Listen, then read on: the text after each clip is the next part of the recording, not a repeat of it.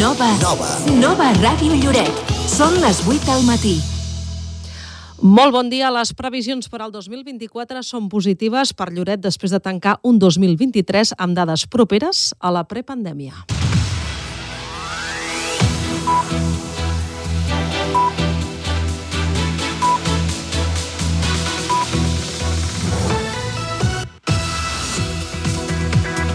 Aquesta és la principal conclusió de la presentació feta aquest dijous davant del sector del turisme i gremis empresarials de Lloret sobre les xifres de l'any passat i les estratègies per a aquesta temporada.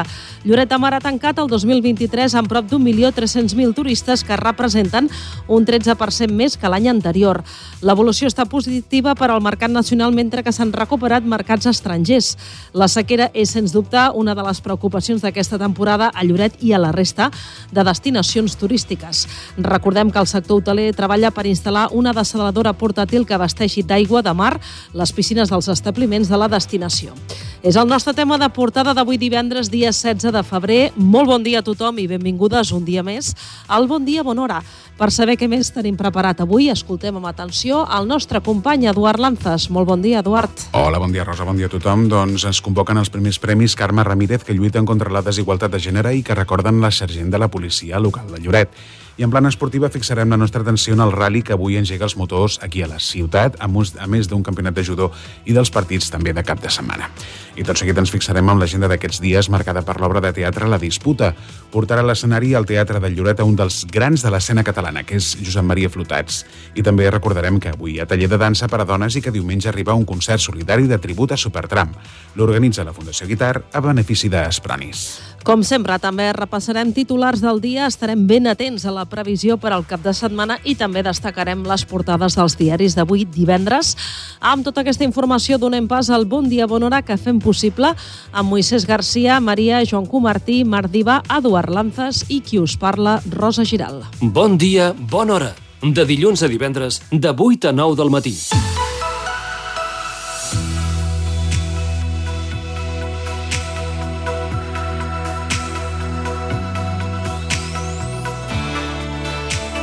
Les 8 i 2 minuts del matí mirem el cel per tal de conèixer la previsió amb tot detall per avui divendres i també per al cap de setmana. És una crònica del nostre company en Xavi Segura. Xavi, bon dia. Bon dia. Aquest divendres tenim un petit canvi de temps, amb força núvols, fins i tot en alguns moments de la jornada amb cel gris i carregat, però de precipitacions n'esperem ben poques. Tan sols a la tarda no es podria descartar alguna gotellada, algun ruixat feble i passatger si arriba a caure i ben poca cosa. La veritat és que la probabilitat que acabi plovent és ben baixa i amb aquest vent entre tramuntana i gregal que es deixarà notar en diferents moments del dia entre feble i moderat, un vent que bufarà amb ganes a gran part de la Costa Brava durant tota la jornada. I amb unes temperatures que es mantindran, si fa no fa, semblants. Poc canvi, amb una màxima que rondarà els 18 graus després d'un nou matí poc fred per les dates. De cara al cap de setmana, la calma tornarà amb força sol, tot i que dissabte poden quedar restes d'alguns intervals de núvols, sobretot al matí, i amb unes temperatures que fins i tot poden pujar una mica més. Per tant, mantindrem aquest ambient massa suau, fins i tot primaveral per les dates dels migdies amb màximes que rondaran els 18-20 graus a tot estirar i seguim sense veure pluges a la vista de cara a la setmana vinent. Potser a partir de dijous i divendres podrien arribar més canvis. Gràcies a Xavi Segura per aquesta informació. Ho complementem doncs, amb les dades, amb les xifres que tenim en aquests moments a Lloret de Mar. Temperatura 12 graus i la humitat elevada a aquesta hora, al 92%.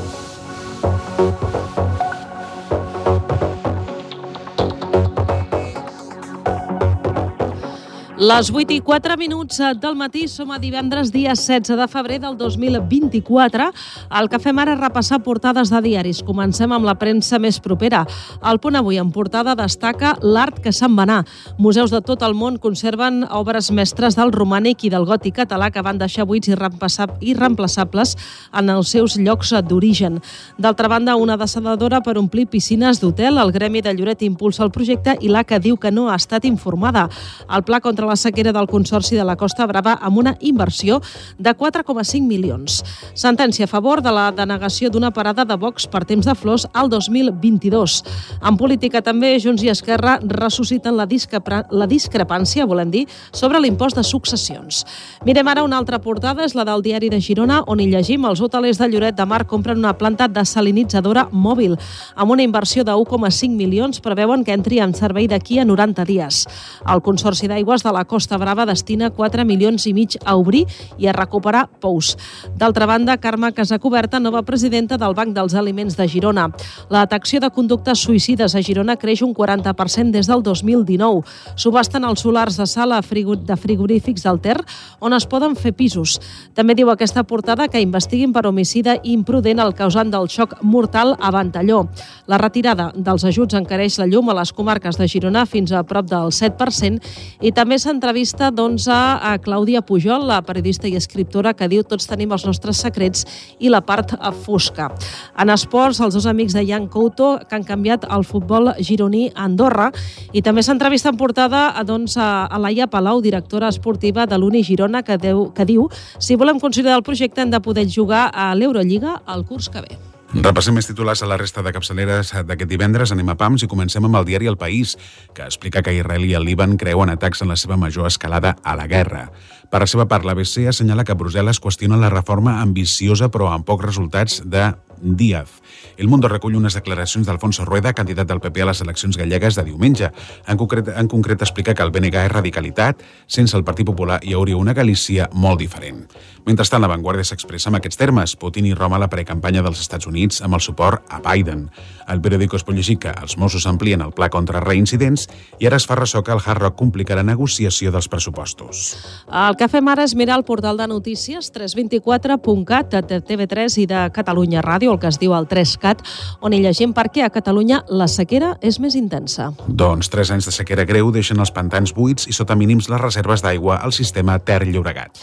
Fins a 3.000 euros per regar el jardí, els municipis acceleren per multar l'accés de consum. Ajuntaments com els d'Alella, Sant Julià de Ramis o Mata de Pere estan fent canvis en les ordenances per multar els consums excessius d'aigua. Salut exigirà el seu de català als sanitaris que optin a una plaça tal i com diu la normativa. La Generalitat oferirà cursos gratuïts per garantir garantir un bon nivell de català entre els professionals sanitaris. Imputen la direcció del geriàtric Aragó per la mort de vuit residents en un brot de salmonela. Hauran de declarar davant del jutge acusats d'imprudència greu amb resultat de mort. Irrupció d'Israel en un hospital, en l'hospital, volem dir, operatiu més gran a Gaza, a la recerca d'hostatges vius o morts. L'exèrcit israelià qualifica de delicada, precisa i limitada una operació que podria violar el dret internacional. Atac ucraïnès a un centre comercial de la ciutat russa de Belgorod amb almenys set morts. Autoritats autoritats russes locals parlen d'un bombardeig contra objectius civils, al mateix temps que aquest dijous l'exèrcit rus ha atacat diversos punts d'Ucraïna. El dart enverinat de Putin diu que prefereix Biden a Trump al capdavant dels Estats Units. Trump ha reaccionat immediatament dient que les paraules del president rus són un gran elogi i que amb ell el poder Rússia no hauria envaït Ucraïna. Gràcia legalitza el matrimoni homosexual malgrat l'oposició fèrria de l'Església Ortodoxa. El Parlament grec ha aprovat una llei que també regula l'adopció per part de parelles del mateix sexe. Uns uns hackers filtren un document amb dades personals d'una setantena de Mossos d'Esquadra. El cos ha posat en marxa una investigació i assegura que la filtració ha estat un, en un àmbit molt restringit del ciberespai. Alliberen un mico caputxí que ha viscut 35 anys engaviat en un pis a Barcelona. La propietària de l'animal, una dona de 80 anys, va comprar-lo fa més de 3 dècades i l'havia tancat en una gàbia molt petita i sense accés a la llum solar directa. Tenia un càncer de nena i poder ser mare d'adulta. Amb l'extracció i preservació del teixit ovari, que es vol intentar donar solució solució a possibles problemes de fertilitat que puguin tenir en un futur les nenes que passin per un tractament d'oncologia. En esports, Alexis se salta el pacte Barça-Federació per ser convocada amb Espanya. I és que els serveis mèdics de club desaconsellaven la convocatòria de la jugadora en la recta final de la seva recuperació. Amb aquests titulars que recuperen o que repassen, més ben dit, l'actualitat de les últimes hores, ens situem a les 8 i 9 minuts del matí. Fem ara una pausa i tornem de seguida.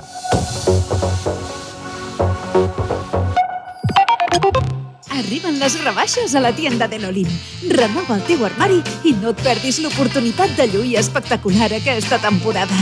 Descobreix una àmplia selecció de roba, complements i també talles grans. Ens trobaràs als baixos del centre comercial Caravela. Posa't guapa amb les rebaixes de la tienda de l'Olim. Et sents esgotat física i mentalment? Atrapat en la rutina diària? Vine a Muscle Beach, al teu nou gimnàs. Entrena amb cotxes titulats en espais increïbles i totalment equipats amb més de 700 metres quadrats just a l'entrada de Mar Romeu. Descobreix la nova zona d'entrenament funcional. Apunta't ara i et regalem tot el que queda de febrer i la matrícula gratuïta. No t'ho pots perdre.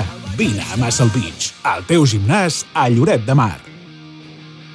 Centre Mèdic Loreto. Obtenció i renovació de permisos de conduir, llicències d'armes, seguretat privada, animals perillosos, obtenció de targeta de residència, tot tipus d'esports i la tramitació gratuïta del permís de conduir. Tenim el servei de medicina general, pediatria, psicologia i fisioteràpia. Treballem amb les principals mútues. Centre Mèdic Loreto. Carrer Verge de Loreto 53, al costat de la Policia Nacional. Telèfon 972 36 96 12. A les empreses com a la vida cal posar nom al que fa 600, perquè darrere de Fitel hi ha 20 anys en el sector de les telecomunicacions, amb més de 10 anys dedicat a ser l'operador internet a Lloret de Mar. I ara seguim avançant perquè més pobles de la comarca tinguin el mateix servei que tu. Perquè darrere de Fitel hi ha persones que fan de la seva feina la seva passió. I tu? Ja ets de Fitel? Fibra òptica i telefonia mòbil a Lloret de Mar sempre a prop teu. Cartelleria digital de Víctor So, el canal publicitari del segle XXI per captar l'atenció dels teus clients. Pantalles informatives, tòtems i pantalles LED pel teu negoci. Gestiona els continguts de manera remota amb qualsevol dispositiu mòbil, Android o iPhone, perquè a Víctor So sabem que la comunicació amb el teu client és el més important. Víctor So. Ens trobaràs a l'Avinguda Vila de Tossa 5052 de Lloret de Mar. Telèfon 972 36 41 14. L'Ajuntament de Lloret de Mar informa. S'ha convocat un procés selectiu d'urgència per proveir mitjançant comissió de serveis una plaça de tècnic tècnica superior per ocupar el lloc de treball d'enginyer-enginyera superior adscrit a serveis públics. Les instàncies per prendre part en la convocatòria es poden presentar fins al dimecres 21 de febrer de forma electrònica a la seu electrònica de l'Ajuntament, catàleg de tràmits, recursos humans, processos selectius de personal. Les bases amb les condicions que regeixen la convocatòria es poden consultar a la seu electrònica de l'Ajuntament. Nens, divendres al matí no puc quedar. Jo tampoc, ja us espavilareu. Oh, és que no sé, jo tinc un trasplant de mocs o de què, no sé de què era. A mi em sortirà un imprevist, eh, macos? Ja us ho dic ara. És normal que les agendes saltin pels aires. Els divendres a les 9 del matí tothom està només pel cada cultura. ¿Pero qué estás diciendo tú? No siguis l'últim en fer-ho. Tranquila, mujer, tranquila.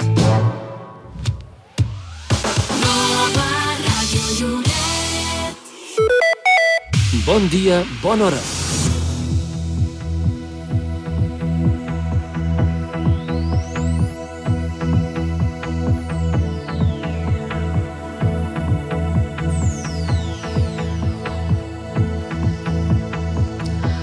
Les 8 i 13 minuts del matí donem pas a la primera part del Bon Dia Bon Hora. Les previsions turístiques per al 2024 a Lloret de Mar són positives després de tancar un 2023 amb dades a l'alça que cada cop s'acosten més a l'època de prepandèmia. Aquesta és la principal conclusió de la presentació feta aquest dijous davant del sector del turisme i gremis empresaris de Lloret sobre les xifres de l'any passat i les estratègies per a aquesta temporada. Escoltem l'alcalde Adrià Lameles. La veritat és que avui hem aprofitat per reunir-nos amb el teixit empresarial i el sector turístic, també els sindicats, els treballadors i empresaris per explicar-los, per explicar-los que creiem que el 2023 ha sigut un bon any i també creiem que hi ha algunes dades que estem explicant aquest matí que ens fa despertar-nos i ens fa focalitzar en alguns aspectes que cal millorar sempre. Sempre hem d'estar exigint-nos al màxim, sempre hem d'estar treballant per millorar la destinació, tant en sostenibilitat, com en ampliar la temporada, com millorar la qualitat dels, dels llocs de treball, com millorar també la, els beneficis, la reinversió de, dels empresaris, i creiem que aquest 2024 també sembla que serà una, una bona temporada, que serà un molt bon any, però també que hem de continuar treballant des de l'Ajuntament per millorar aquells aspectes que, que la destinació es mereix. Lloret de Mar ha tancat el 2023 amb prop d'un milió 300.000 turistes que representen un 13% més que l'any anterior. L'evolució està positiva per al mercat nacional mentre que s'han recuperat mercats estrangers. Aquesta és la tendència que s'espera també per aquest any, ja que els turistes de proximitat, els catalans, espanyols i francesos, representen més de la meitat dels visitants. Elisabet Keegan, gerent de Lloret Turisme. Aquest mercat domèstic o de proximitat que per nosaltres és el català-francès, perquè del que és tot l'àmbit espanyol, sobretot el client que ens arriba és de Catalunya. Uh, preveiem que aquest 2024 ens es comporti en la mateixa línia que ha fet els darrers temps. L'hem consolidat en un tant per cent important després de la pandèmia, després de que tinguessin l'oportunitat també de conèixer un lloret que, que no esperaven. Ens visiten al, al llarg de tot l'any, sobretot en format parella, com veiem avui, i en aquest sentit esperem que continuïn visitant-nos aquest any 2024, tots i els reptes que té per davant la destinació en aquest context de, de sequera, eh, apostant doncs, per aquesta proximitat que, ens, que contribueix clarament a la sostenibilitat social i econòmica de, de Lloret. La sequera és, sens dubte, una de les preocupacions d'aquesta temporada a Lloret i a la resta de destinacions turístiques. Recordem que el sector hoteler treballa per instal·lar una desaladora portàtil que abasteixi d'aigua de mar la piscina dels establiments de la destinació. A banda d'aquesta mesura i d'altres per estalviar consum d'aigua, la destinació encara el 2024 amb bones perspectives pel que fa a l'aeroport de Girona, el qual augmenta la capacitat aèria. També s'espera créixer en ocupació abans i després de la temporada i seguir sumant valor a l'oferta de la destinació de sol i platja amb activitats de natura, culturals o esportives. Cada cop més els turistes valoren punts d'interès com el Camí de Ronda o els Jardins de Santa Clotilde. A més, el que han estat allotjats en hotels reformats de la vila tenen un índex de satisfacció molt elevat. Estàs escoltant l'informatiu matinal Bon dia, bona hora. També volem eh, seguir explicant en plana de turisme que l'Agència Catalana de l'Aigua assegura que desconeix el projecte de la desanalitzadora que compraran els hotelers de Lloret de Mar per poder omplir les piscines aquest estiu. Els empresaris han anunciat la iniciativa aquest dijous en una roda de premsa a Girona, però l'ACA ha afirmat a la CN que no n'estava el cas i, per tant, es remet a les restriccions vigents que preveu el pla de sequera. En aquest sentit, recorden que en la situació d'emergència actual no es poden omplir ni reomplir piscines amb aigua potable sempre i quan sigui per a ús lúdic.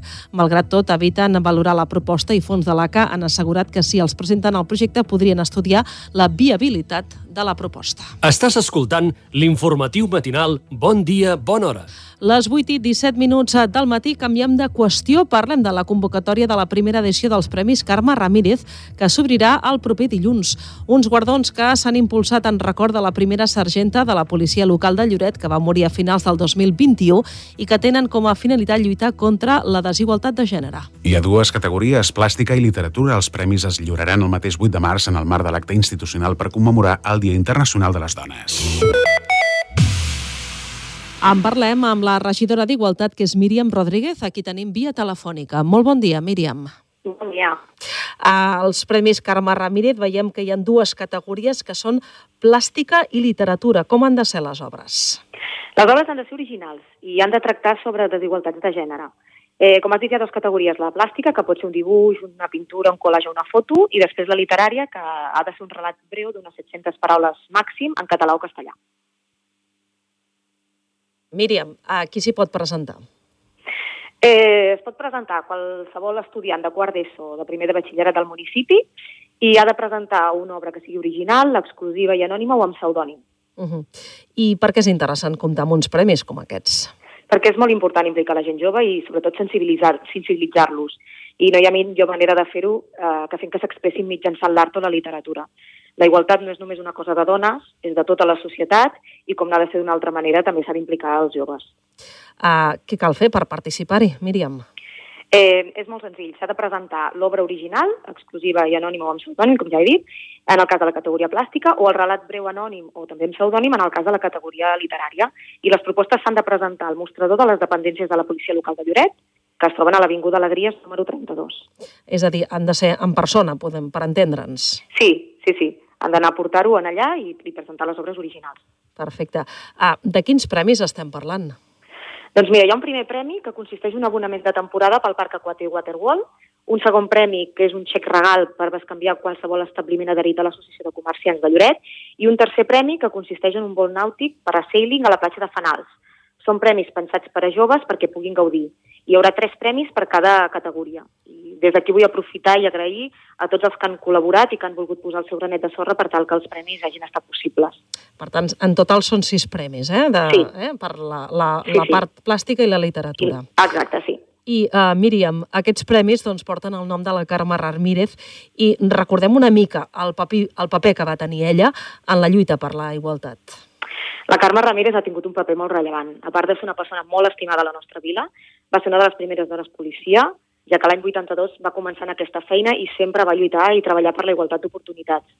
Va ser una lluitadora en un món que era completament d'homes i va aconseguir ser sergent. Va ser la primera dona sergent de la policia, va estar 38 anys treballant-hi i va impulsar, entre d'altres, el servei de medició comunitària. A més, ella sempre deia que era mitjançant els joves i anant als instituts com es podia treballar realment en el tema de la desigualtat de gènere. I aquest és el nostre petit homenatge a una dona valenta, pionera de Lloret, que sempre va treballar al servei dels nostres veïns i de les nostres veïnes. També vull donar les gràcies a la policia local, que ha col·laborat en aquest projecte de forma molt activa, i per mi va ser especialment bonic i emotiu veure com, com la recordaven els seus companys, no? amb aquesta estima, amb aquesta enyorança, amb aquest orgull. Era una dona molt estimada per tot el personal de l'Ajuntament i molt valorada, i també pels seus companys de professió especialment, i prova d'això la sala de briefing de la comissaria porta el seu nom. Per tant, des d'aquí agrair la col·laboració de la policia local, ja que sense ells i sense el treball en equip que hem realitzat entre policia i igualtat no estaríem avui parlant de la primera edició dels Premis 8 de març Carme Ramírez i Burgada. De fet, ho acabes de dir, Míriam, eh, els guardons es lliuren precisament el dia 8 de març, eh, en aquesta data. Sí, sí, sí, les bases ja, ja estan publicades i els premis es lliuren el dia 8 de març, l'acte que es farà com cada any, ja que és el Dia Internacional de les Dones és un dia reivindicatiu molt important i ben aviat presentarem les activitats que es duran a terme al voltant d'aquest dia. Mm -hmm. Ho has explicat eh, abans, eh, Míriam, però veiem que és un, és un premi enfocat a la gent jove, eh? Vull dir, hi ha aquesta sí. voluntat d'adreçar-se als joves. Sí, de conscienciar-los, de, que, de que treballin aquest tema i, i mitjançant l'art és, és la millor manera. Doncs en recollim tota la informació i ens en fem el ressò que, que es mereix. Míriam Rodríguez, regidora d'Igualtat de l'Ajuntament, moltes gràcies i molt bon dia. A vosaltres. Bon dia, bona hora.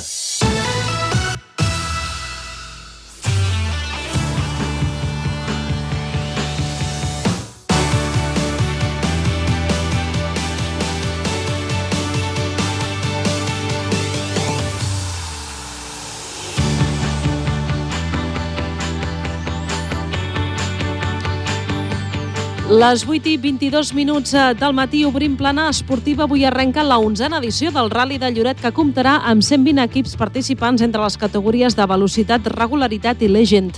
A partir de les 6 de la tarda s'encendran els motors per afrontar la primera de les etapes. Serà nocturna i amb dues passades pels trams de Cladell, Sant Hilari i Sant Julià del Coll i Sant Julià, volem dir, i Coll del Rebell.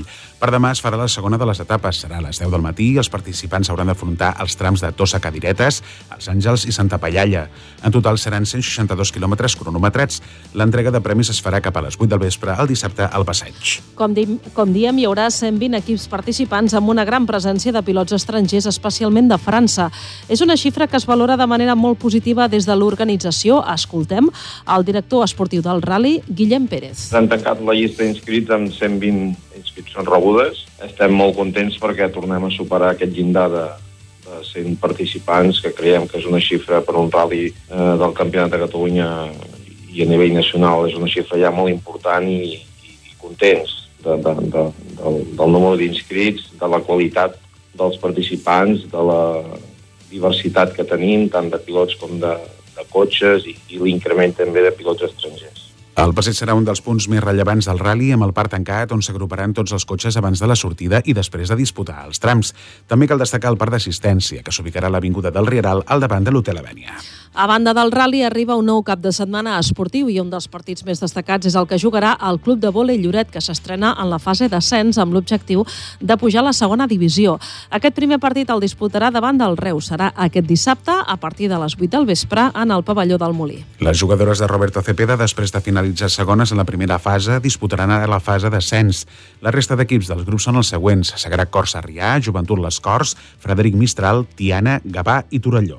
Una altra cita destacada és la del Club de Futbol Lloret, que es desplaça aquest cap de setmana a terres tarragonines per enfrontar-se a la Unió Esportiva Valls. En la 18a jornada de la Lliga Elite serà aquest dissabte a partir de les 4 de la tarda. Els homes d'Albert Valllosera volen refer-se de la mala dinàmica per seguir mirant a la part alta de la classificació.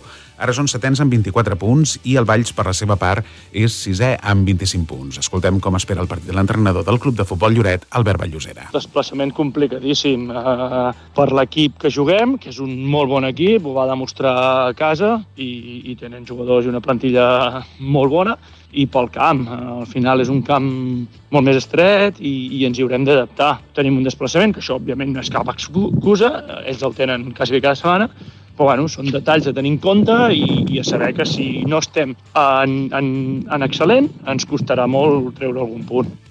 Una hora més tard, dissabte, a partir de les 5 de la tarda, en la segona catalana de futbol arrencarà el partit de la Juventus Lloret. Es desplaçarà al camp de la Unió Esportiva Quart, que és el 13è classificat. L'equip d'Alessandro Seixi, que és primer amb 41 punts, vol seguir ampliant l'avantatge com, a líder de, com a líder de la categoria. Ara mateix la distància amb el segon és de 7 punts.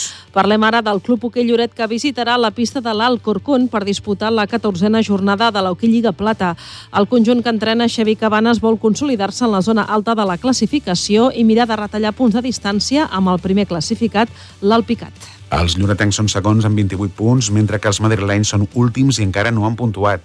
És un partit que jugarà demà dissabte a un quart de vuit del vespre. Anem amb més cites dels dos sèniors que té el bàsquet Lloret aquest cap de setmana només jugar el femení en la jornada 16 de la Copa Catalunya. Les jugadores de Dami Sosa volen seguir liderant la classificació i aquest diumenge rebrà la visita del nou bàsquet Olesa, que se situa vuitè i que fa tres jornades que no guanya. Les lloretenques, per la seva part, venen en dinàmica molt positiva en un partit que es disputarà aquest diumenge a les 6 de la tarda. Acabem el repàs parlant del club de futbol Sala Lloret que jugarà a la pista de la Unión aquest dissabte a les 6 de la tarda. Serà el 13è partit d'una divisió d'honor catalana en què, les, en què els lloretencs es troben amb moltes urgències de victòries per sortir de la zona de descens. L'equip de Robert Fernández és 12 amb 7 punts i s'enfronta a un rival directe que ocupa el 13è lloc amb 6 punts. Anem amb un esport esportiu més. Aquest diumenge Lloret acull la Lliga Territorial de Judo emmarcada en els Jocs Esportius Escolars de Catalunya. Es tracta d'una competició amb esperit educatiu per edats d'iniciació. Hi participaran 150 judoques de les categories de promoció entre 6 i 14 anys d'arreu de la demarcació de Girona. Aquests joves esportistes duran a terme una lligueta amb diversos combats i també realitzaran activitats paral·leles. Tot serà d'una forma lúdica i amb la intenció d'introduir els infants en la competició del judo. Ho explica Josep Maria Torres, tècnic d'esports del Consell Comarcal de la Selva. En aquestes eh, jornades el que pretenem doncs, és eh, establir un model de competició doncs, que, sigui, que sigui amigable, que sigui propera per a aquests joves esportistes que s'inicien en aquests esports de, de, de contacte, en aquests esports de... i a través d'aquestes jornades doncs, que tenen aquest caire més, més lúdic, més dinàmic, doncs mirem de treure-li ferro i que sigui una manera doncs, que, els, que els joves esportistes doncs, eh, perdin la por no? a, a competir.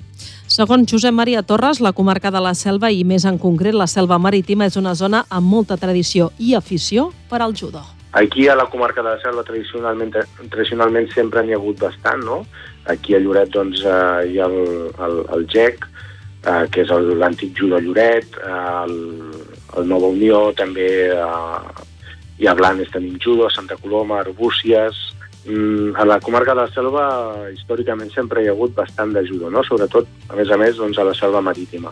La cita és aquest diumenge a partir de les 9 del matí al pavelló Pompeu Fabra. La previsió és que s'allargui fins la 1 de la tarda.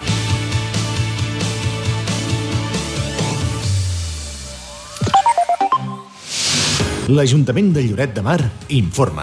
L'horari autoritzat per portar les bosses de rebuig als contenidors de via pública és entre les 9 del vespre i les 12 de la nit. En cap cas, abans, com tampoc després, d'haver passat el servei de recollida.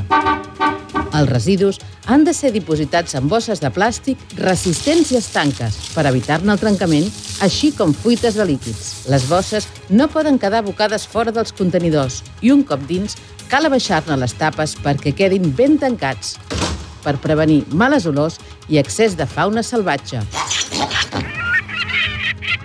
Us recordem que el servei gratuït de recollida de trastos i voluminosos es pot sol·licitar trucant al 972 36 89 22. L'incompliment de l'ordenança de civisme pot ser sancionat amb multes de fins a 750 euros. L'Ajuntament de Lloret de Mar informa. Lloret de Mar es troba en situació d'emergència 1 per sequera. Hi ha restriccions d'aigua en els usos urbans que afecten en el volum màxim d'aigua per habitant i dia. Restriccions en la neteja de vehicles, de carrers i mobiliari urbà. En el rec esportiu, de zones verdes, jardins públics i jardins privats. Està prohibit l'ompliment de piscines públiques, privades, comunitàries i les fonts ornamentals, així com l'eliminació de pols en l'aire amb aigua. La situació actual de falta d'aigua és molt greu i s'han de prendre mesures per estalviar aigua potable de forma immediata. Teniu tota la informació detallada al web lloret.cat.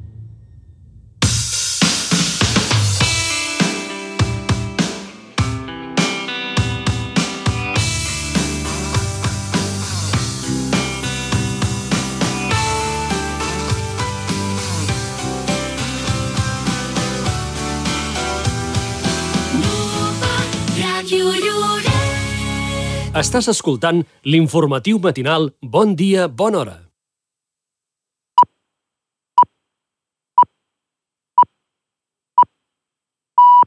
Dos quarts de nou en punt del matí.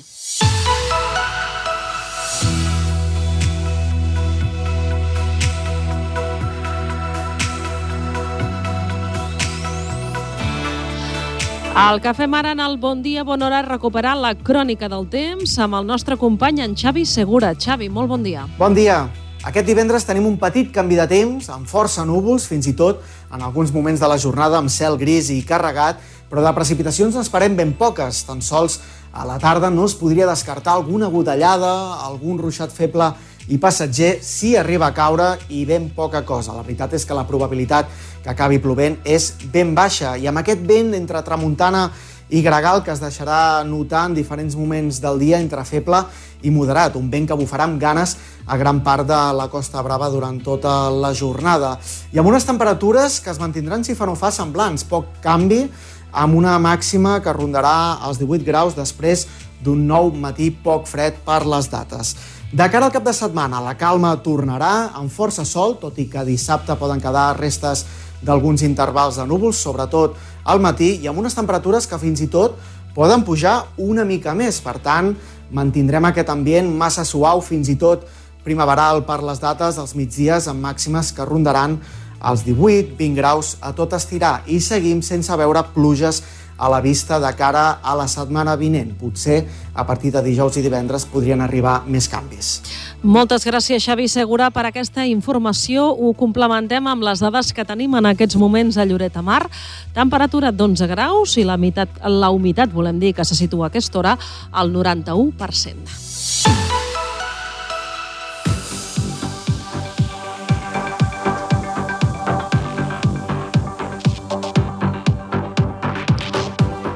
Les 8 i 32 minuts del matí, som a divendres, dia 16 de febrer, moment de repassar portades de diaris. Comencem amb el punt avui on hi llegim l'art que se'n va anar. Museus de tot el món conserven obres mestres del romànic i del gòtic català que van deixar buits i reempassables en els seus llocs d'origen. Més titulars, una desaladora per omplir piscines d'hotel, el Gremi de Lloret impulsa el projecte i l'ACA diu que no n'ha estat informada. D'altra banda, pla contra la sequera del Consorci de la Costa Brava amb una inversió de 4 1,5 milions. Sentència a favor de la denegació d'una parada de Vox per temps de flors al 2022 i Junts i Esquerra ressusciten la discrepància sobre l'impost de successions. Anem ara amb una altra portada, és la del diari de Girona, on hi llegim els hotelers de Lloret compren una planta desalinitzadora mòbil. Amb una inversió de 1,5 milions preveuen que entri en servei d'aquí a 90 dies. El Consorci d'Aigües a Costa Brava destina 4 milions i mig a obrir i recuperar pous. D'altra banda, Carme Carme Casacoberta, nova presidenta del Banc dels Aliments de Girona. Llegint també en aquesta portada que la detecció de conductes suïcides a Girona creix un 40% des del 2019. Subasten els solars de sal de frigorífics del Ter on es poden fer pisos. Més titulars investiguen per homicidi imprudent el causant del xoc mortal a Ventalló. La retirada dels ajuts encareix la llum a les comarques de Girona fins a prop del 7%. També es destaca en portada una entrevista a Clàudia Pujol, la periodista i escriptora, que diu tots tenim els nostres secrets i part fosca. En esports, els dos amics de Jan Couto que han canviat el futbol gironí per Andorra i també se destaca una entrevista a Laia Palau, directora esportiva de l'Uni Girona, que diu si volem consolidar el projecte hem de poder eh, jugar l'Eurolliga el curs que ve. Repassem els titulars a la resta de capçaleres d'aquest divendres. Anem a PAMS i comencem amb el diari El País, que explica que Israel i el Líban creuen atacs en la seva major escalada a la guerra. Per la seva part, la BCE assenyala que Brussel·les qüestiona la reforma ambiciosa però amb pocs resultats de Díaz. El Mundo recull unes declaracions d'Alfonso Rueda, candidat del PP a les eleccions gallegues de diumenge. En concret, explica que el BNG és radicalitat, sense el Partit Popular hi hauria una Galícia molt diferent. La Vanguardia s'expressa amb aquests termes. Putin i Roma la precampanya dels Estats Units amb el suport a Biden. El periòdico es pot llegir que els Mossos amplien el pla contra reincidents i ara es fa ressò que el Hard Rock complica la negociació dels pressupostos. El que fem ara és mirar el portal de notícies 324.cat, on llegim doncs, per què a Catalunya la sequera és més intensa. Tres anys de sequera greu deixen els pantans buits i sota mínims les, les reserves d'aigua al sistema Ter-Llobregat. Fins a 3.000 euros per regar el jardí, els municipis acceleren per multar l'accés de consum. Ajuntaments com els d'Alella, Sant Julià de Ramis o Mata de Pere estan fent canvis en les ordenances per multar els consums excessius d'aigua. Salut exigirà el seu de català als sanitaris que optin a una plaça, tal i com diu la normativa. La Generalitat oferirà cursos gratuïts per garantir un bon nivell de català entre els professionals sanitaris. Imputen la direcció del geriàtric Aragó per la mort de vuit residents en un brot de salmonela. Hauran de declarar davant el jutge acusats d'imprudència greu amb resultat de mort. Irrupció d'Israel a l'hospital operatiu més gran a Gaza en la recerca d'hostatges vius o morts. I és que l'exèrcit israelí ha qualificat de delicada, precisa i limitada una operació que podria violar el dret internacional. Atac ucraïnès a un centre comercial de la ciutat russa de Belgorod amb almenys set morts. Autoritats russes locals parlen d'un bombardeig contra objectius civils al mateix temps que aquest dijous l'exèrcit rus ha atacat diversos punts d'Ucraïna. El dart enverinat de Putin diu que prefereix Biden a Trump al capdavant dels Estats Units. Trump ha reaccionat, ha reaccionat immediatament dient que les paraules del president rus són un gran elogi i que amb ell el poder Rússia no hauria envaït Ucraïna. Gràcia legalitza el matrimoni homosexual malgrat l'oposició fèrria de l'Església Ortodoxa. El Parlament grec ha aprovat una llei que també regula l'adopció per part de parelles del mateix sexe. Uns hackers filtren un document amb dades personals d'una setantena de Mossos d'Esquadra. El cos ha posat en marxa una investigació i assegura que la filtració ha estat en un àmbit molt restringit del ciberespai. Alliberen un mico caputxí que ha viscut 35 anys engaviat en un pis a Barcelona. La propietària de l'animal, una dona de 80 anys, va comprar-lo fa més de 3 dècades i l'havia tancat en una gàbia molt petita i sense accés a la llum solar directa. Tenir un càncer de nena i poder ser mare d'adulta. Amb l'extracció i preservació del teixit ovari que es vol intentar donar solució a possibles problemes de fertilitat que puguin tenir en un futur les nenes que passen per un tractament d'oncologia. En esports, Alexia se salta el pacte Barça-Federació per ser convocada amb Espanya. Els serveis mèdics del club desaconsellaven la convocatòria de la jugadora en la recta final de la seva recuperació. Els diaris parlen de Lloret. Avui trobem doncs, a diferents referències a Lloret de Mar. Per exemple, volem destacar el tema del dia al diari de Girona, que podem llegir a les pàgines 2 i 3, amb el titular Els hotelers de Lloret de Mar compren una dessaladora mòbil. Enric Dotres, el president del Gremi d'Hostaleria de Lloret, assegura que servirà per omplir les piscines i generar aigua de boca. Costarà un milió i mig d'euros i preveuen que comenci a funcionar al mes de maig. Tot plegat s'acompanya d'una fotografia on es veu una imatge d'arxiu de turistes a la piscina d'un hotel a Lloret. També llegim doncs, més declaracions de Dotres en aquesta notícia que diu si no ho fem nosaltres, ningú no ho farà. Els del sector turístic no ens podem perdre ni un sol dia. I també llegim en la pàgina 3 del diari de Girona que el govern ultima una via per dotar de suficient energia la futura desalinitzadora de Blanes. El Departament d'Acció Climàtica assegura que en breu hi haurà una solució alternativa a la MAT, a la línia de molt alta tensió de la selva.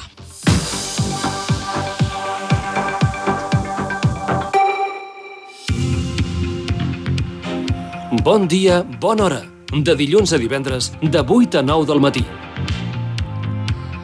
Les 8 i 38 minuts eh, del matí el que fem ara és repassar l'agenda del cap de setmana amb diferents propostes. Avui de bon matí trobem un taller de dansa per a dones en el teatre.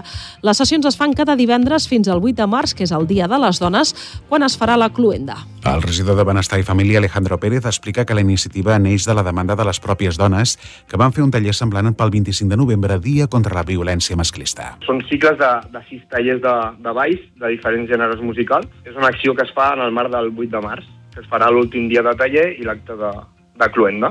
Bueno, aquesta activitat dona continuïtat a la feina feta durant el mes de novembre per al 25N i d'alguna manera doncs, també dona resposta a les demandes que van sortir durant, durant el taller anterior.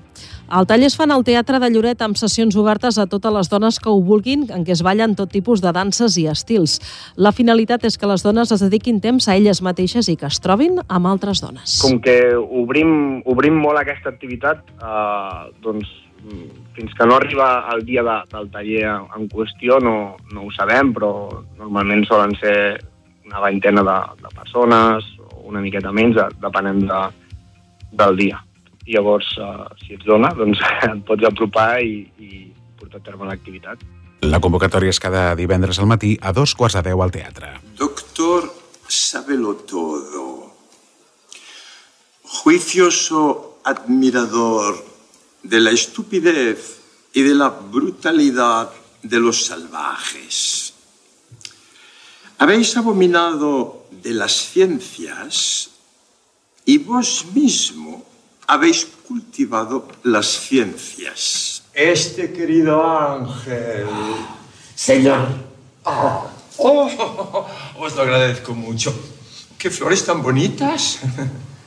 Oh, tomaréis una taza de café, ¿verdad? Sí, sí, sí, sí. Quiero serviroslo yo mismo, ya que no os he agradecido bastante la amabilidad de vuestras flores. Pero no habéis hecho todo ese camino para hablarme de Dios. Un dels grans del teatre de català, Josep Maria Flotats, a qui acabem d'escoltar, serà aquest divendres, per tant, avui mateix, en el Teatre de Lloret de Mar, juntament amb Pep Planes. Plegats interpretaran la disputa en un duel dialèctic entre Voltaire i Rousseau amb dues figures de la il·lustració que al segle XVIII van alimentar els ideals de la Revolució Francesa. Ens en parla de l'obra la directora del teatre, Amaranta Givert. Un veritable duel verbal, intens, vibrant, ferotge, però també divertit, entre dues de les figures més emblemàtiques de la il·lustració, dos grans filòsofs, dos immensos escriptors també, eh, i també dues maneres de concebre el món i la societat. Eh, dues concepcions del món oposades i que veurem en, a, en aquesta obra eh, que crec que no deixa a ningú indiferent perquè ens parla de la creença de Déu, de l'educació, la propietat, la cultura, el teatre, les arts, la tolerància, la llibertat, la república i la igualtat. Els espectadors hi trobaran un coneixement precís de les preocupacions socials i intel·lectuals del segle de les llums, que estan poc allunyades de les nostres d'avui. Amaranta Givert destaca el privilegi de poder tenir a Lloret a Josep Maria Flotats, que interpreta i dirigeix aquesta obra. Crec que és un autèntic privilegi tenir a Lloret Josep Maria Flotats en, a l'escenari en, una, en una gira que l'està portant per diversos teatres fins a arribar a estrenar la disputa el proper finals del mes de febrer a Barcelona, al Teatre Romea, i abans està fent gira per diversos teatres, entre ells el Lloret de Mar. Per tant, crec que és una bona proposta teatral que podrem veure en el Teatre de Lloret el dia 16 de febrer. A Flotats l'acompanya un altre actor de primer ordre, Pep Planes, que ens ha fet arribar aquest missatge. Per mi aquest espectacle és, és molt especial i és una experiència extraordinària perquè eh, tornar a treballar amb el Josep Maria després de, de molts anys eh, a l'escenari és, és, és, un, és un, un honor i un privilegi, sobretot perquè jo vaig començar amb ell, vaig començar amb ell fa ara pràcticament 40 anys. Jo vaig fer el Cirano de Bergerac, que era el meu debut professional, jo encara estava estudiant a l'Institut del Teatre, però vaig intentar compaginar una mica eh, les dues formacions d'alguna manera i, i, i vaig, no vaig poder continuar perquè eh, m'agafava massa, massa temps i també perquè estava veient que realment era, era un mestratge el que, el que ens estava fent el Josep Maria a tots. Era, era un, una, una lliçó de teatre cada dia que estàvem en, a, en els assajos, amb la qual per mi ha estat sempre el, el meu referent. Jo vaig fins i tot seguir una mica uh, els passos. Jo veia que ell venia d'una formació francesa diferent i, i em semblava mm, molt interessant eh, poder, poder no, flirtejar una mica amb el que es feia allà i me'n vaig anar a estudiar a França i vaig viure a França uns quants anys i eh, um, vaig intentar empapar-me de, de tot allò. Vull dir que per mi és, és molt significatiu aquest, aquest tornar ara, no?, al cap de gairebé 40 anys, a tornar a estar amb ell escena com una espècie de, una mica de culminació de, de, d'aquest recorregut, no? I eh, l'obra que, que ens toca fer és, és, és, és també un, un, un honor.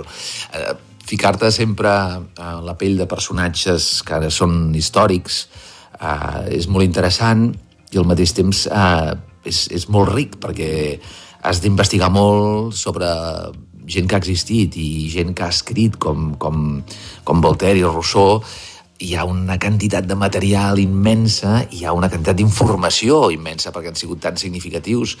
Van ser els, els diguéssim, no, els padrins, o no sé, padrins no, perquè ja eren morts, però com una mica els precursors de, de la Revolució Francesa per les seves ideologies, per la necessitat de canvi, i aleshores hi ha moltíssima informació i, i un material eh, per, per no, enriquir-te increïble. Vull dir que en conjunt està sent una experiència eh, molt interessant, molt rica i que n'estic molt, molt, molt content. La disputa amb Josep Maria Flotats i Pep Planes arriba divendres, és a dir, avui, 16 de febrer, a partir de les 8 del vespre, al Teatre de Lloret. Seguim amb l'agenda del cap de setmana perquè aquest dissabte hi ha una sessió del racó dels contes que anirà a càrrec de Tolasi Teatre que oferirà contes que bufa el vent. La contista de la companyia, Violeta Avilés, es comenta que les històries que explicarà gran i giren entorn a la natura. És una sessió que va dedicada a la natura. Tots són contes de, dels boscos d'aquí, de, de les nostres terres eh, mediterrànies i tots són animals que viuen en el bosc, també hi ha molta sonoritat, parla molt el vent, el mar, els ocells... Amb la posada en escena que ofereix es busca que la mainada desperti al màxim la seva imaginació. La posada en escena és molt senzilla perquè el que volem és que els nens imaginin tot el que es pugui imaginar, doncs que ells ho posin, no? Però sí que hi ha un taló fet a, amb teles així tenyits naturalment, que evoca això, doncs, uns prats, un bosc, una natura viva, i després eh, hi, ha, hi ha titelles, surten alguns titelles d'un nom, un petit nom que viu a les arrels, hi ha una serp i una tortuga. El racó dels contes es farà demà dissabte al matí, com sempre a dos quarts de dotze, a la sala infantil de la biblioteca.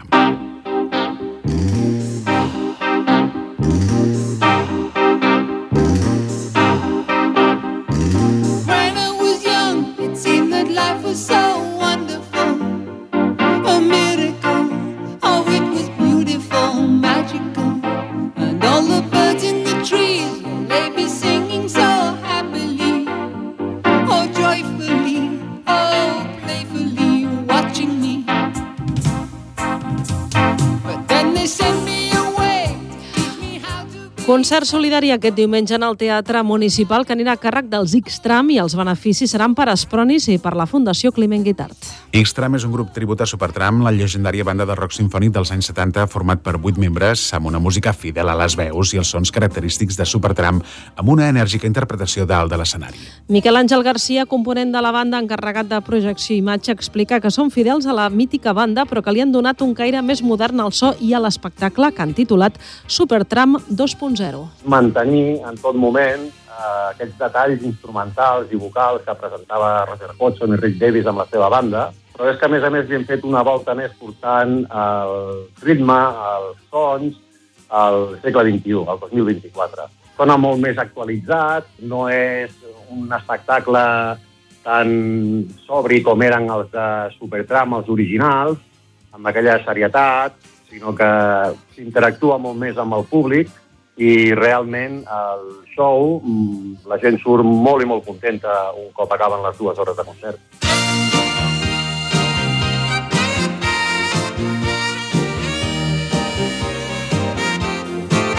La presidenta de la Fundació Climent Guitar i vicepresidenta d'Espronis, Cristina Cabanyes, que està molt agraïda al Six Tram per oferir-se a aquest gran concert.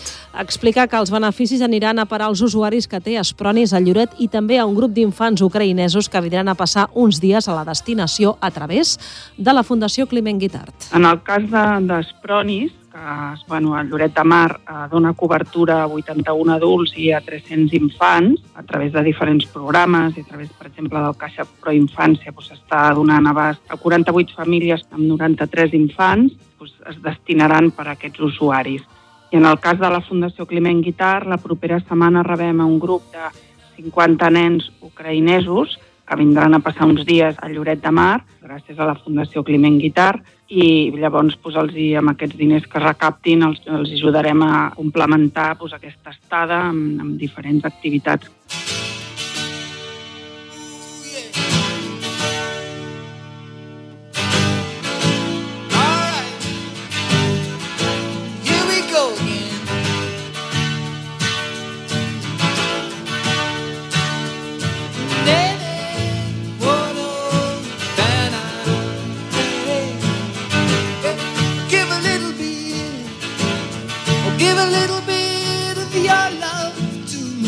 El concert d'Xtram tribut, en aquest cas a Supertram, serà doncs, aquest diumenge a partir de les 7 de la tarda al teatre i a les entrades que valen 12 euros es poden comprar a través de la pàgina web de l'equipament. Eduard, un plaer poder escoltar tantes cançons del Supertram, eh? Això és un luxe, eh? I, més, i més a dintre d'un bon dia, bona hora. I en queden moltíssimes, perquè Sí. clar, la col·lecció d'èxits de Roger Hodgson i els seus és espectacular. I és un, és un grup de primer ordre i a vegades potser no recordem exactament que són cançons seves, però Sí. les tenim molt presents, Sí, oi? sí, el que passa és que jo el que trobo és que les noves generacions poder, poder no les coneixen, però Són, es, són espectaculars. són espectaculars i donen una mica d'energia i força i coratge a aquesta hora del matí. I tant que sí.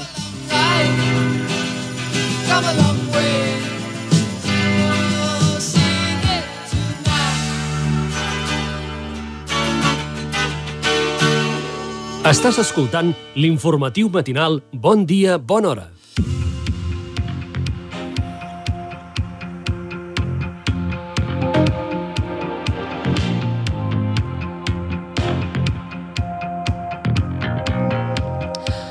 Deu minuts i arribarem a les 9 del matí. Recordem també que aquests dies es pot visitar a la biblioteca l'exposició Una literatura pròpia fins al dia 15 de març. Es tracta d'una mostra itinerant de l'Institut Català de les Dones que té el reconeixement a les aportacions que alguns escriptores han fet a la literatura catalana i universal. Lídia Bartolomé, responsable de la Biblioteca de Lloret, explica que hi ha 14 plafons dedicats a aquestes escriptores catalanes. És una mostra formada per 14 plafons que parla d'escriptores catalanes. Cadascun d'ells està dedicat a, a una escriptora important pel que fa a les seves aportacions a la literatura catalana i algunes fins i tot a la, a la literatura universal. Són escriptores, mm, per exemple, les més properes serien Mercè Rodoreda, Montserrat Roig, Maria Aurelia Campmany, d'altres, eh, algunes del segle XV, per exemple, com Isabel de, de Villena, i sense oblidar figures superimportants com Víctor Català o Aurora Bertrana.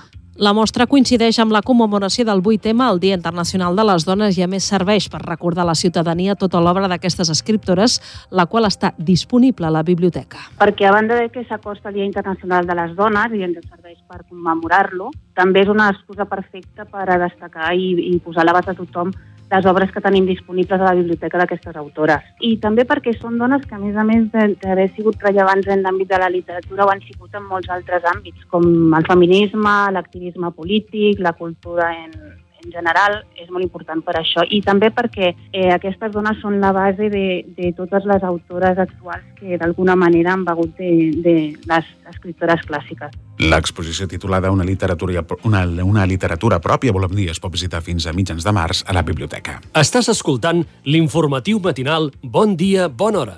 8 minuts i arribarem a les 9 del matí. Recordem notícies destacades que ens ha deixat aquesta setmana, informativament parlant aquí a Lloret. D'una banda, per fer front a la sequera s'han d'aplicar tot un seguit de restriccions per estalviar el màxim d'aigua possible. Però a més, un altre factor important és evitar que part d'aquesta aigua es perdi. I en això hi està treballant l'Ajuntament. En aquesta línia s'estan reparant totes les fuites d'aigua que hi ha a la xarxa municipal, tal com explica el regidor de Serveis Públics, Nino Gómez. A principi de, de legislatura ja vam, ja vam dir que una de les, de les fites de, del tema de l'aigua seria a reparar les canonades i fer una miqueta més de, de manteniment de la xarxa molt abans de que estiguéssim en, en emergència. No? I és el que hem estat fent. El que passa és que ara doncs, eh, la urgència ho requereix i, i ara mateix doncs, és una de les, de les nostres prioritats, sobretot mantenir la, mantenir la xarxa i, i reparar i reparar totes les fuites que van sortint a la via pública. El regidor ha demanat que si algun ciutadà detecta alguna fuita d'aigua a la xarxa pública que ho posi en contacte de la policia local que activarà el procediment de reparació. A més, l'Ajuntament està controlant totes les parcel·les que estan connectades a la xarxa sense, tenir comptador, volem dir, i per tant agafant aigua de forma irregular. Hi ha vivenda ocupada que no té cap control dels subministraments, Uh, hi ha vivendes que, per no haver fet un canvi de companyia, quan es va fer, quan es va demanar, doncs també estan sense comptador i connectats directament a, a la xarxa o inclús doncs, tenim alguna, alguna vivenda que té comptadors d'empreses antigues que ja no tenen absolutament res a veure amb aquest uh, municipi. I, i bueno, uh, estem ara regularitzant totes aquestes, totes aquestes accions. Pel que fa a la conscienciació popular, el regidor reconeix que costa que la ciutadania es prengui seriosament com de greu és la situació, però està content que sembla que els últims registres fan veure que s'ha reduït el consum. Realment és que estem en un, en un estat de sequera que és greu. Però realment aquests primers dies del mes de febrer ha sigut la primera vegada. La primera que s'ha vist una, una baixada en el consum a Lloret de Mar. És la primera vegada, i de debò, de de debò que, que contentíssims de que la gent es comenci a conscienciar. Estem molt lluny, eh? Estem molt lluny encara de la dotació màxima que la Generalitat ens va, ens va marcar, que l'Agència Catalana de l'Aigua ens va marcar com a dotació mínima de litres per habitant i dia. Estem lluny, però ens hi estem acostant i això realment eh, fa que pensis que probablement la feina que estem fent serveix per alguna. Tot i que per ara no treballen amb la idea de fer tallaments del subministrament, el regidor reconeix que no descarten fer-ne més endavant si la situació es complica encara més. Estem en emergència 1, les restriccions d'aigua són les que són, però encara tenim el pas 2 i el pas 3 abans d'arribar aquí. Però si em preguntes si descartem terminantment tallar l'aigua al, als veïns, encara que siguin per trams o encara que siguin en l'àmbit nocturn o per zones, no. De moment no és algo que s'ha descartat, de moment ho tenim sobre la taula, no s'ha posat en pràctica de moment, no s'ha fet absolutament res en aquest sentit, però no és algo que tinguem en el calaix i que ho tinguem oblidat, al contrari. El regidor ha recordat a la població que els veïns poden demanar a la deixalleria fer ús particular d'aigua regenerada. Estàs escoltant l'informatiu matinal Bon dia, bona hora. Canviem de qüestió quan falten 5 minuts per arribar a les 9 del matí. El MIC de Futbol celebra la 22a edició amb rècord de participants. El prestigiós torneig internacional de futbol base, amb seu aquí a Lloret, superarà per primera vegada la barrera dels 400 equips i comptarà amb la presència de 8.000 jugadors. Serà la 22a edició d'un torneig que arrencarà el pròxim 27 de març. De nou presentarà un cartell amb clubs de referència mundial com el Barça, el Real Madrid, el Manchester City, el Paris Saint-Germain o el Milà. Hi haurà representació de gairebé una quarantena de països d'arreu del món. Els participants estaran repartits en nou categories, des de la 20 fins a juvenils, en categoria masculina i l'etapa juvenil en categoria femenina. Això vol dir des dels 12 fins als 19 anys. El director del MIC, Juanjo Rovira, es mostra molt orgullós de la xifra de 412 participants. ha sigut la locura en, en l'augment de participants i els, els timings que s'han que s'han utilitzat, no? perquè bueno, nosaltres sempre, els equips eh, de casa, esperàvem a primers d'octubre a passar-nos la informació en i en quant. Eh, pensem que a principi de temporada els directors de, de futbol base, coordinadors, estan eh, liats amb eh, posar en pràctica, eh, posar en marxa els seus clubs a la competició ordinària de la Federació Catalana i vam haver d'accelerar-ho tot perquè la, la, les peticions que ens venien des de fora eren moltíssimes. Des de l'organització donen encara més valor en aquest creixement tenint en compte el tancament que van patir l'any 2020 en temps de pandèmia. Va ser una situació que els va fer plantejar-se fins i tot al punt i final del MIC. El 2020 van tindre un sotrac molt important. Eh, penseu que nosaltres eh, som 17 persones que durant molts de mesos treballem per a que el torneig pugui tirar endavant i clar, 20 dies abans de la realització del la 20a edició del 2020 es tanca i tot això són una sèrie de, de despeses eh, junt, juntament amb altres que, que ja havíem fet també que eren irrecuperables i bueno, el sotrac eh, a nivell empresarial va ser molt important. Vam tindre seriosos dubtes de si continuar endavant o que aquí s'havia acabat el recorregut. Lloret de Mar tornarà a ser una de les seus principals tant de joc com d'allotjament i el camp municipal d'esports acollirà la categoria juvenil. Tot i això, el MIC es troba present arreu de les comarques gironines. Segons en Rovira, hi ha molt interès per veure els partits del torneig arreu de la Costa Brava i recorda, per exemple, que l'any 2019 la instal·lació lloretenca va quedar completament plena de públic. Hi ha molta gent que ve a passar els últims dies de Setmana Santa a la Costa Brava i, i han associat Costa Brava amb el MIC. Hi ha molta gent pues, que segueix en, en molta il·lusió i en molt d'interès i ens han trobat en algunes instal·lacions al camp municipal de Lloret. Eh, per exemple, l'any 2019, que vam tenir també la prova de Més del Bar, bueno, vam haver de tancar portes. L'Ajuntament amb la policia i l'Ajuntament vam haver de tancar portes i vam dir que no pot entrar ningú més, perquè és que no, no, és que no hi ha més capacitat. A banda dels participants, el MIC també mou un nombre important d'organitzadors, voluntaris i treballadors d'empreses o institucions. Són al voltant de 400 persones que vellen perquè tot surti a la perfecció.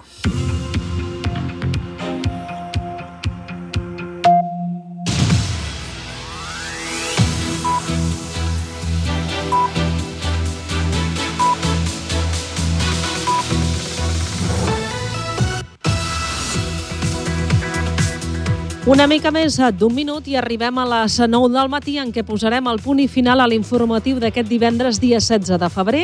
En el Bon Dia, Bona Hora d'avui hem parlat doncs, de turisme i en concret que les previsions per aquest any 2024 són positives després que la destinació hagi tancat un 2023 amb dades properes i a l'alça eh, de la prepandèmia. És la principal conclusió de la presentació que s'ha fet aquest dijous davant del sector del turisme i de gremis empresarials sobre les xifres de l'any passat i també les estratègies en aquesta temporada. Lloret de Mar ha tancat el 2023 amb prop d'un milió 300.000 turistes que representen un 13% més que l'any anterior. Serà un dels titulars que aniríem ampliant al llarg del dia d'avui, com també doncs, ho podreu consultar via pàgina web i xarxes socials. Les notícies acaben aquí. Per tant, la seriositat també, i ara a partir de les 9 encarem amb humor amb alegria el Cada Cultura. Us esperem ara mateix. Bon dia, bona hora. De dilluns a divendres, de 8 a 9 del matí.